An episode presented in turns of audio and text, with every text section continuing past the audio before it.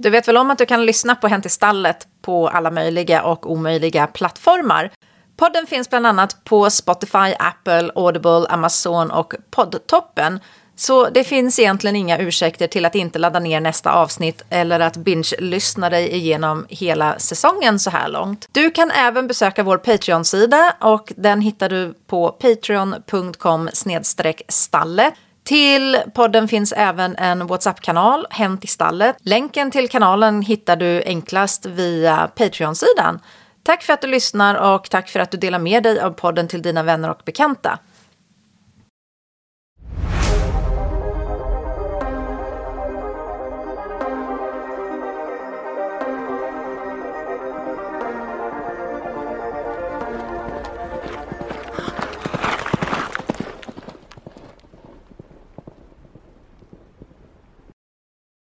Hej mina vänner och välkomna till ännu ett avsnitt av Hänt i stallets Äntligen fredagsavsnitt. Idag så tänkte jag ställa frågan om eh, olympiska spelen verkligen behöver fälttävlan på schemat. För, för min del så tycker jag att fälttävlan har gjort sitt i OS och att fälttävlan inte inte borde vara del av OS-programmet. Det gäller även för dressyr, men av kanske lite andra orsaker än fälttävlan. Fälttävlan är en sport som jag gillar väldigt mycket, så det har ingenting att göra med det här djurskyddsmässiga ylandet som kommer ibland från människor när de pratar om fälttävlan, för att det enda som medier behagar rapportera om är ju när det går dåligt, när det går riktigt dåligt och någonting fruktansvärt händer. Då är man väldigt snabba på att rapportera om fälttävlan om det så är en unge som är 14 år och har cyklat till stallet och blivit påkörd av en bil så heter det fälttävlans ryttare dog i olycka i rubriken. Och det, det gör ju att det blir väldigt mörka spår för fälttävlan. Men för min del så känner jag att nej, fälttävlan hör inte hemma på OS. Det har snabbt gått ut för för fälttävlan överhuvudtaget. Och med OS i Tokyo så hade vi ytterligare en eh, incident med ett mimklipp som inte fungerade som det skulle. Mimklipp är ju den här svenska uppfinningen som skulle rädda världen och rädda fälttävlanssporten när man fick eh, eh, rivningsbara hinder. Men rivningsbara hinder i fälttävlan har visat sig att de flyger ju ner oavsett vad som händer. Det spelar ingen roll om ryttarna bara kommer förbi med ett vinddrag så kan de här bommarna lösas ut och så faller de och så får en ryttare som har legat topp helt plötsligt straffpoäng för det här och det blir ingen rättvis bedömning. Så det är ju en av sakerna. Dessutom, om vi ska dra en liten sån här parentes om mimklippen så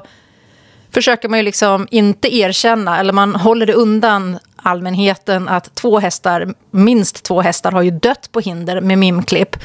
Den ena hästen var Bob the Builder, det hände på EM i Stregom 2017 och den andra var Axel Z som dog i Lumylens femstjärniga klass eh, i Stora vattenhindret. Så det är ju en sak, en del av saken. Den andra delen av saken är ju att de här länderna som kvalar till OS Eh, med lag, de rider på helt olika premisser. Australien till exempel, som är ett otroligt framgångsrikt land i fälttävlan. De kvalar i lång trestjärnig klass och det gjorde de på Irland tidigare förra året. Och lång trestjärnig klass, det är samma nivå som de europeiska eh, Young Rider-ryttarna rider på EM. Så de, Australien de rider då lång trestjärnig klass medan vanliga europeer med, som är födda och bor här och har europeiska pass, de måste rida lång fyrstjärnig. Så det är ju en ganska stor skillnad på kvalreglerna. Dessutom så har man ju splittat upp grupperna inför OS i Paris vilket gjorde att Holland och Belgien de gynnades otroligt väl av det här. För att förut låg de i samma grupp och nu är de i två olika grupper så då var det lite enklare för dem att kvala via Nations Cup och andra platser som blev över efter mästerskapen hade ridits. Dessutom så såg jag en lista med eh, nominerade eller långlistade ryttare eller vad man ska kalla. Jag tror inte anmälningsdatumen har inte kommit riktigt än. Men ett land skickade ut en lista med ryttare som de har på sin långa lista inför OS. Och på den här listan, det var ungefär 16 namn. Och cirka fem kombinationer. De var inte ens kvalade till OS. Och då pratar vi sex månader fram i tiden ungefär. Och eh, två kombinationer häst och ryttare, de har inte ens tävlat. Och det gör ju att det är väldigt svårt att ta fälttävlan på allvar. Det blir ju, alltså Kalle kuppen i skidor som gick när jag var liten. Det var ju mer seriöst än vad OS och fälttävlan är. OS och fälttävlan, för mig, nej, inte gå bort. Ta bort eländet från OS-programmet och låt de stora femstjärniga evenemangen ta över glansen av fälttävlan för badminton, Burley, Lumylen, Poe, whatever. Det är fantastiska evenemang och nej, fälttävlan behöver inte OS. Det börjar bara bli mer och mer pinsamt och krystat hur man försöker klamra sig kvar. Så ja, det var väl något att tänka på inför helgen. Så tack för att du lyssnade och glöm inte att prenumerera och dela podden med dina vänner och bekanta. För det finns ju säkert alltid någon som är intresserad av att lyssna.